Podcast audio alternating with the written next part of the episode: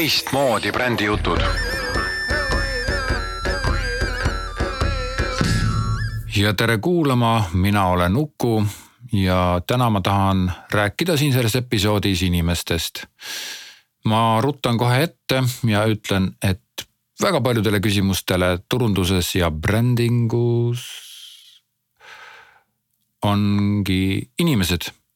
jah, inimesed ja miks ma seda teemat esile toon, sellepärast et ma näen, et väga paljusid otsuseid, väga palju strateegilisi käike tehakse arvestades hoopis teisi väärtuseid. inimesi peetakse justkui mingiks massiks, kes peavad kuidagi tegutsema, kes, kes ei ole üldse olulised ja, ja keda jumala eest saab nagu noh, kuidagi piirata, panna, teha, juhatada neid kusagile, panna midagi tegema. mida, mida nemad tahavad, see pole üldse oluline oluline on see, et müügid tuleks täis ja absoluutselt ma olen sellega nõus. aga siin on nüüd üks asi. müügid ei saa olla eesmärk, aga nad peavad täis tulema. kuidas seda saavutada? käime selle tee teiega läbi. ma räägin teile ühe loo. mõnda aega tagasi ma tahtsin oma autot müüa. ja ilus suur valge auto äh,. Kiia Sorento, kena auto, tegin ta kõik korda puhtaks onju. nii kui ma ta müüki panin, siis noh, neid ostjaid oli päris palju, üks tahtis ühte, teine tahtis teist, igaüks tahtis erinevat moodi. ühte asja ma õppisin tundma. et äh, mina omast arust võin olla siin puhas ja sirge ja selge, aga ma olen ikkagi väga paha, sellepärast et millised vead kõik minul sellel autol võisid olla, see on uskumatu noh.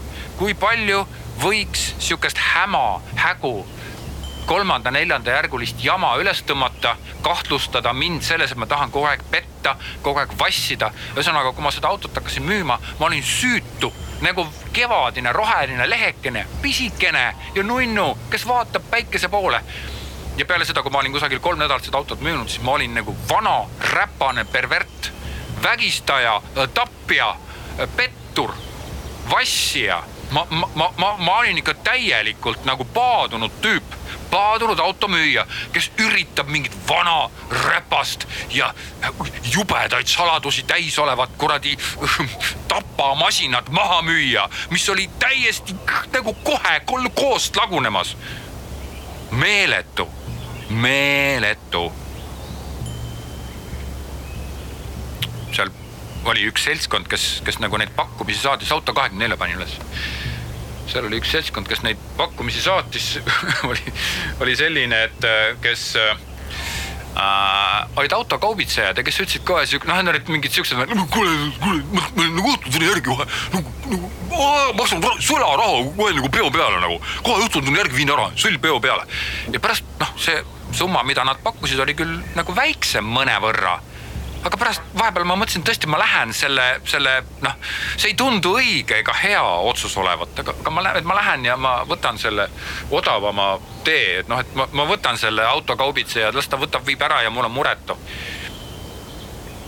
kuni siis ma leidsin selle õige, kõige viimane oligi see õige ostja. selgus, et mul oli see auto liisitud jah, Kiia Sorrento mm, oli liisitud ja, ja liisitud läbi OÜ. selgus nimelt, mida ma ei teadnud, et pank panga sooviks, liisingu sooviks, siis äh, liisingu enneaegsel lõpetamisel oli siis see, et selleks, et liisingut enneaegselt lõpetama, sa pead läbi tegema väikese palvetee ja kui sa soovid liisingut lõpetada ja samaaegselt ka seda autot müüa, mis tundus neile väga enneolematu tehing, seda mitte keegi mitte kunagi ei ole teinud, siis peab ka ostja sinuga koos selle palvetee läbi tegema.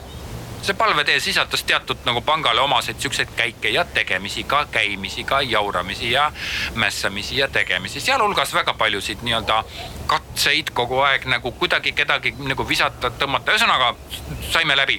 aga see auto ostja oli täpselt samasugune inimene, väljaspoolt vaadates ma ei oleks osanud oodata, et tema selle auto ära ostab, aga ta käis selle palvetee minuga läbi ilma ühtegi sõna ütlemata. ja me saime temaga jutule, kuigi me nagu sotsiaalset gruppi pidi arvestades ei oleks tohtinud temaga üldse läbi saada. Ma ei hakka täpsu- täp,, täpsustama, aga noh, põhimõtteliselt ühesõnaga, aga ta oli minu inimene. Ja mina olin tema inimene. Ja me saime ääretult hästi läbi. Ja meil sujus omavahel kõik väga hästi, hoolimata sellest, et meid pandi väga rasket kadalippu läbi tegema. me saime läbi. Ja siis ma sain selle auto maha müüa. jah, oma sihuke kerge nädalakene sihukest käimist, jooksmist, jamamist ja mässamist ja oligi kõik korras. Ja ma ei süüdista siin puhul mitte kedagi. Ma loodan, et te saite aru, mis siit nüüd välja tuli. minu inimene oli selle asja märksõna.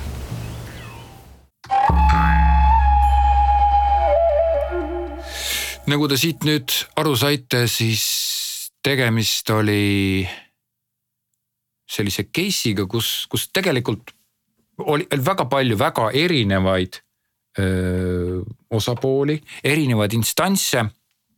aga hästi olulist rolli mängis siin siis märgusõna minu inimene, ehk siis see ostja oli minu inimene. ja tegelikult olles töötanud kusagil kakskümmend viis aastat reklaamiagentuurides, siis ma, ma tean ka seda, et sa võid küll igasugusele reklaamiagentuurina jah, igasugusele ettevõttele müüa igasuguseid asju.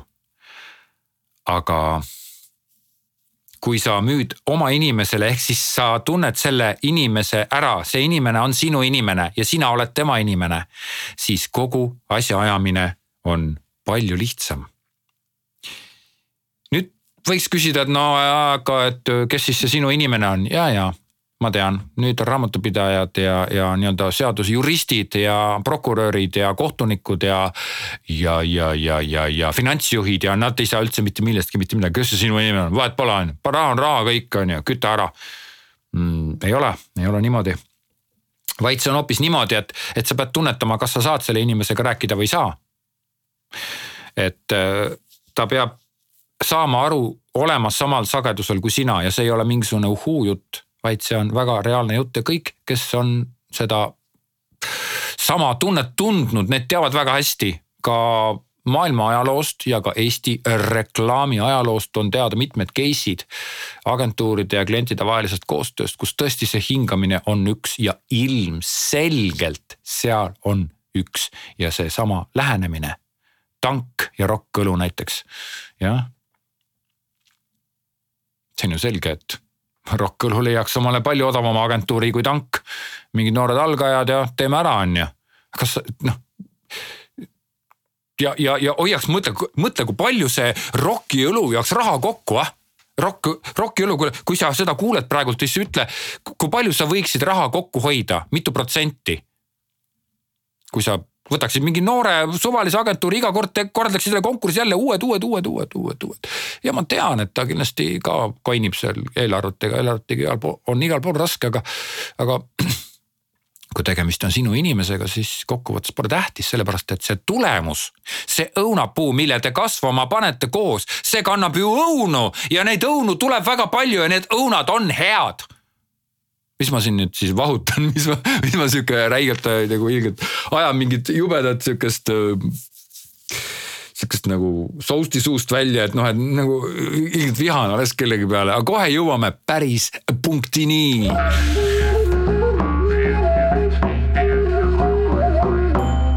ja see on bränd.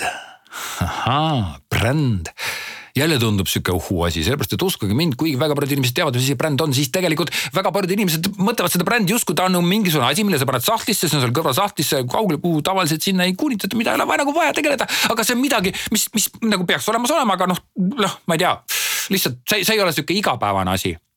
siis tegelikult bränd on sinu igapäevane tööriist bränd on osake sinu igapäevasest strateegiast, bränd on sinu äristrateegia alus brändi luues sa pead mõtlema kohe kes on minu sihtgrupp, et no sa, sa ei pruugigi teada, kes on sinu sihtgrupp.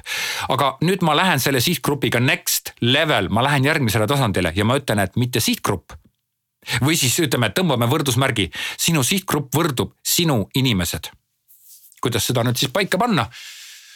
aga sa oled siin planeedi peal ju elanud vähemalt, ma loodan, kakskümmend aastat ja sa tead, et sul mõne inimesega on hästi ja mõne inimesega ei ole hästi nüüd sa pead hakkama siis nimetama neid inimesi, kellega sul hästi on ja leidma neid ühiseid jooni ja, ja need on, need saavad olema ka sinu kliendid ja need saavad olema ka sinu sihtgrupid. jah, sul võib olla mitu sihtgruppi. ja sealt hakkab alles minema see brändi loogika lahti, ehk siis sa lood oma teenused, tooted, oma brändi, ehitad üles oma ettevõtte, oma firma, ehitad üles sedasi, et äh, see on justkui suunatud sinu inimestele, sellepärast et need inimesed tunnevad selle, selle sõnakasutuse, nad tunnevad selle äh, loogika, nad tunnevad selle. Nad, nad, nad tunnevad selle asja ära, nad tunnevad sinu ära. ja see bränd ongi mõeldud selle jaoks, et et sinu inimesed tunneksid sind ära, nüüd tundub, et jälle kaugele läheb. et näiteks ma olen jumala kindel, et nagu Rimi mõtelnud, häh, mingi jama jutt on ju. meil on siin sihtgrupid ja värgid ja särgid ja kuidas me saame mingi sinu inimestega, me siin küll mõelda ei saa, on ju, et inimene tuleb sisse, et sa küsid nagu Rimi ukse peale, et no kas sa oled minu inimene või ei ole.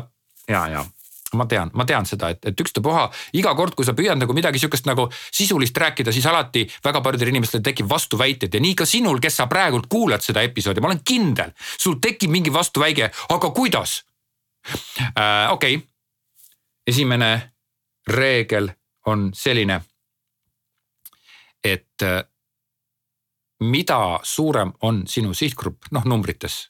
ehk siis mida odavamat kaupa sa müüd, kui sa müüd tikutapse, siis sul sihtgrupp peab väga lai olema jah. erinevad inimesed ostavad ju tikutapse, siis sa pead suutma väga erinevate inimestega rääkima sedasi, et need inimesed tunnevad, et see on tema pood. Mitte niimoodi, et umbes sa tuled, et sa lähed nagu kusagile tunnelisse, Rimisse näiteks ja, ja, ja sa tunned, et, et, et nagu kogu aeg sa oled nagu mingis võõras kohas, vales kohas ja sa püüad sealt leida selle oma. sa pead, ka mina pean tundma, et see Rimi on minu pood.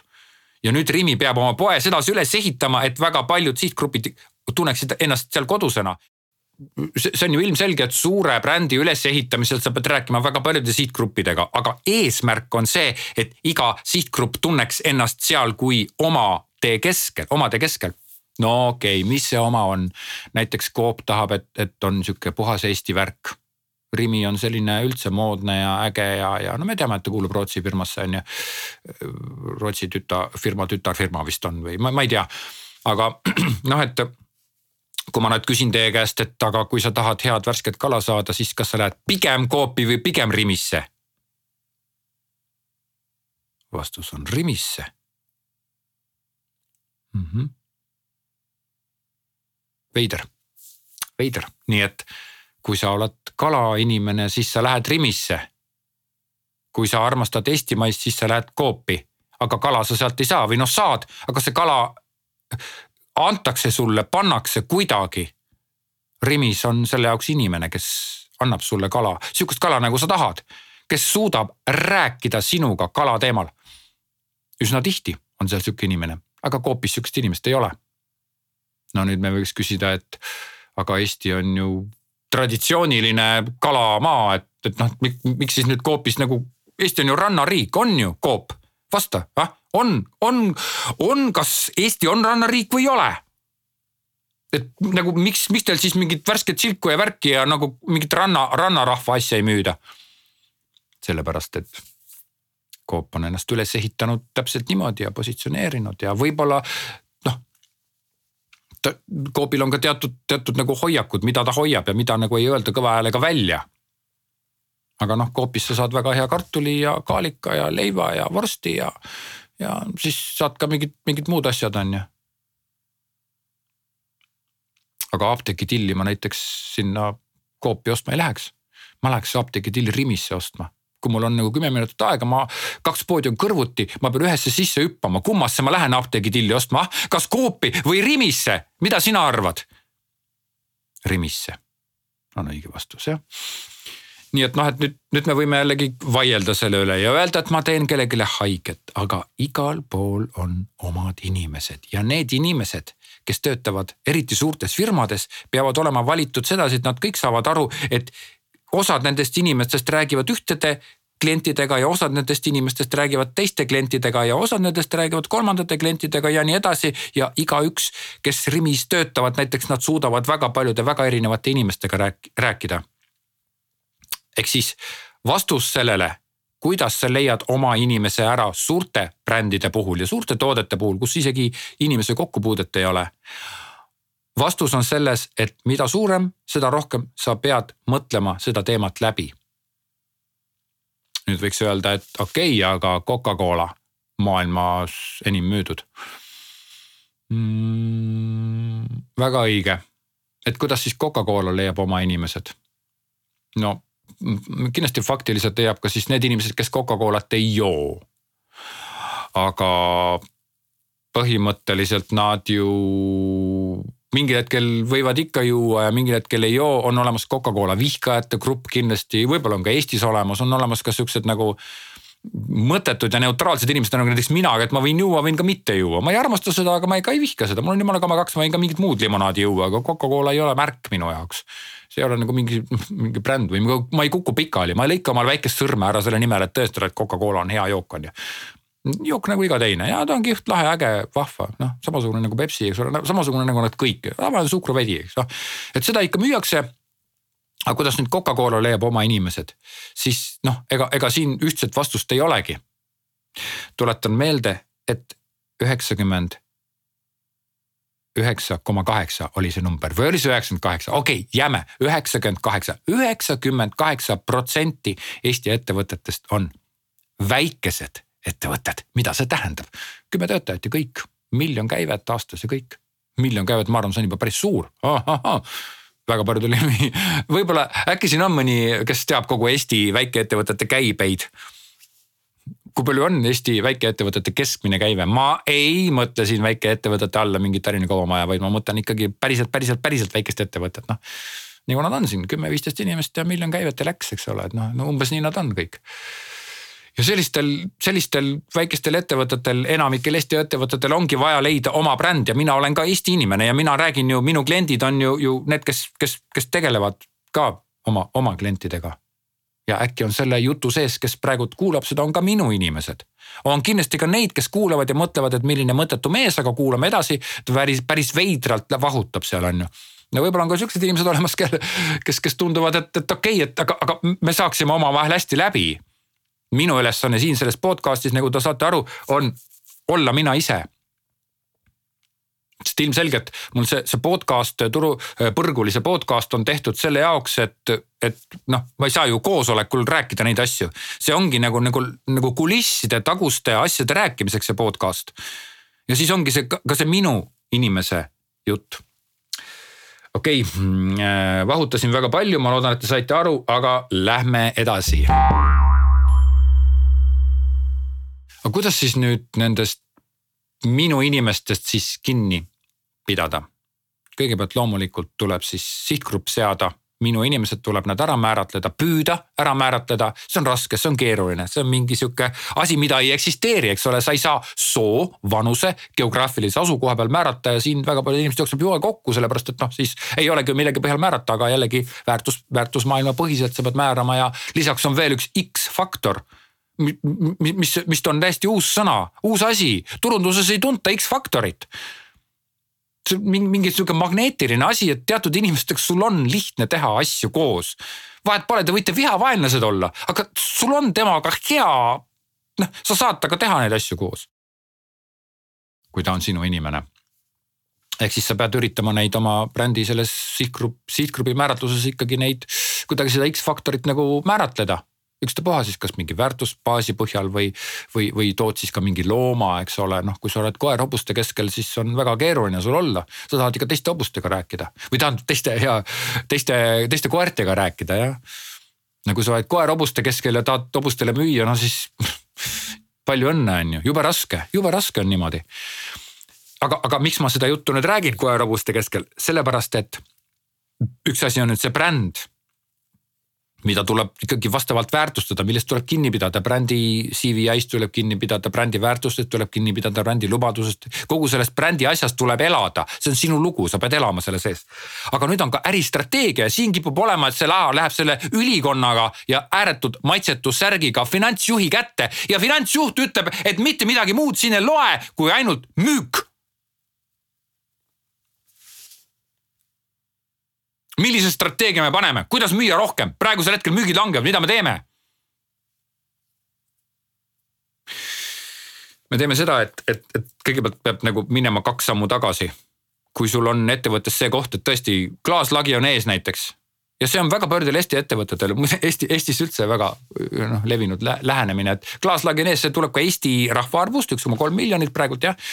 ja teiseks tuleneb ka sellest, et tulevad väljamaalt konkurendid, kes on, võib-olla suudavad paremini kõnetada sihtgruppi ja paremini leida oma inimesi mahlakamad, kellel on nii-öelda tänapäevasemad turundusvõtmed, tänapäevased tootekomplektid, teenusekomplektid, kogu asjaajamine on palju tänapäevasem, palju lihtsam aga mõnikord on mõni Eesti firma, et kui sul on klaaslagi ees, siis tegelikult ongi see koht, kus sa pead minema kolm sammu tagasi ja hakkama pihta sealt, et aga kuidas me leiame need oma inimesed, kellega meil äri edeneb ja see peab olema eesmärk ka finantsjuhil ka raamatupidajal, kes või ta ka tegevjuhil, ükstapuha, kes nendest nii-öelda tegeleb ainult numbritega.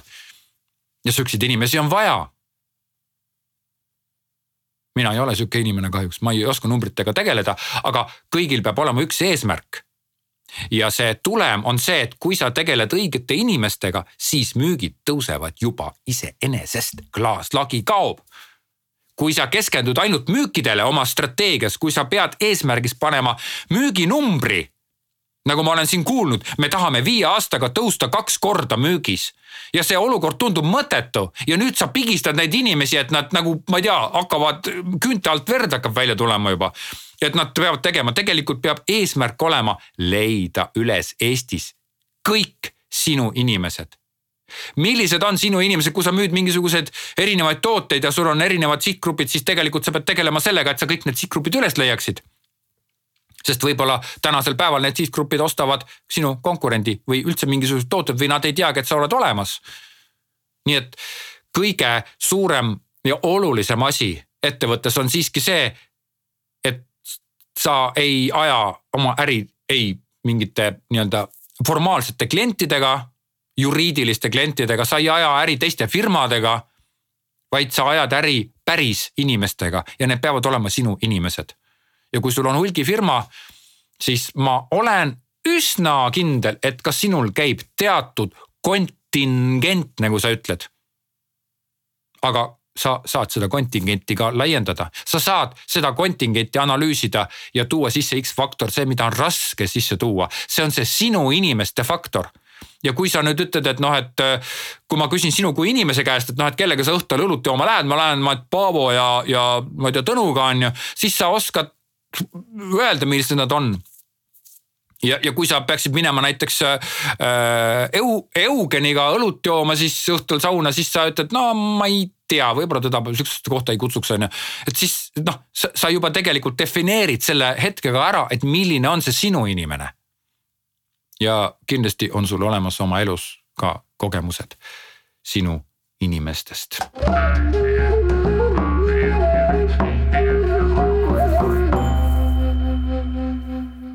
teeme väikse kokkuvõtte. vastus kõikidele küsimustele on inimesed. sa pead leidma tee oma inimesteni ja sa pead olema kindel, et sinu äris ja sinu kommunikatsioonis ja sinu toodetes, kogu teenuse disainis, toodete disainis on olemas tee et sinu inimesed leiavad sind üles, ära ürita olla anonüümne, ära ürita olla nagu suured poisid on, nagu suured firmad on. ära ürita, ära ürita olla oma konkurendi sarnane, sest sinu konkurendil võivad olla teised inimesed. sinu inimesed on unikaalsed sinu inimesed. Ja koos nendega kasvades ja arenedes hakkab, tuleb nii-öelda kaasnähtusena ka raha, tuleb müügitõus, tuleb nii-öelda see nii-öelda õigel lainel surfamise asi. ja kui sa oled valede inimestega, siis, siis ongi raske, ongi keeruline. ja, ja, ja ei ole seda nii-öelda edasiliikumist, edasiminekut. ja, ja väga paljudel juhtudel on see, et tehakse midagi, mida ollakse harjunud tegema aga minnakse mööda oma inimestest ja siis unustatakse ära, et tegelikult me peaksime oma toote range'i, oma teenuste range'i laiendama, sest et see, et kõik tuleneb minu inimestest. vastus veel kord küsimusele on minu inimesed. no e-, ehk siis mitte minu, aga sinu inimesed, sina oled ju praegult, äkki sa oled firma juht näiteks, äkki sa oled mingi lihtsalt keegi, kes kusagil töötab. ikkagi ka sinul on sinu inimesed kui sa oled näiteks mingi telefonimüügifirmas oled, siis ka sinul on need telefonikliendid, kellega sa näiteks, kui sa pead mitu korda suhtlema, siis kellega sul on parem suhelda, sa saad temaga, sa saad tema käest kohe aru. sa saad kohe aru tema asjadest ja tegelikult, kui sa oled telefonimüügifirmas see, kes tegeleb pidevalt mingite samade klientidega ja sul on mingid oma inimesed, siis tegelikult sinu käes on see salajane kuldvõtmekene, mis avab selle ukse kuhu peale on kirjutatud uued tooted, uued teenused, mis tõstavad meie müüki sinu kätte, sinu käes on see kuldvõti, sest sina oskad öelda, millise, mida üldse peaks pakkuma sellele sinu inimesele juurde. vastus väga paljudele küsimustele ettevõttes on inimesed. That's it ma rohkem ei, ei, ei jahu seda mõttetut juttu, aga see oli nii oluline point minu meelest ja see on nii oluline leidmine, sest ma ka ise leidsin selle, ma ise ka mõtestasin selle. ja võib-olla see, mida ma eelmisele jutule, mida ma üldse ka siiamaani olen kõik mitmete kümnete aastate jooksul kuulnud inimestest, tuli juurde siis see X faktor. aga ma tänan, et sa mind kuulasid ja Põrguline jätkab endiselt hämaratel radadel nende asjade rääkimisega, mis ei ole tavalised. muusika on pärit helipank.ee ja kui te minu teenuseid tahate, siis uhu.ee. kirjutage mulle, leiame üles oma inimesed, tšau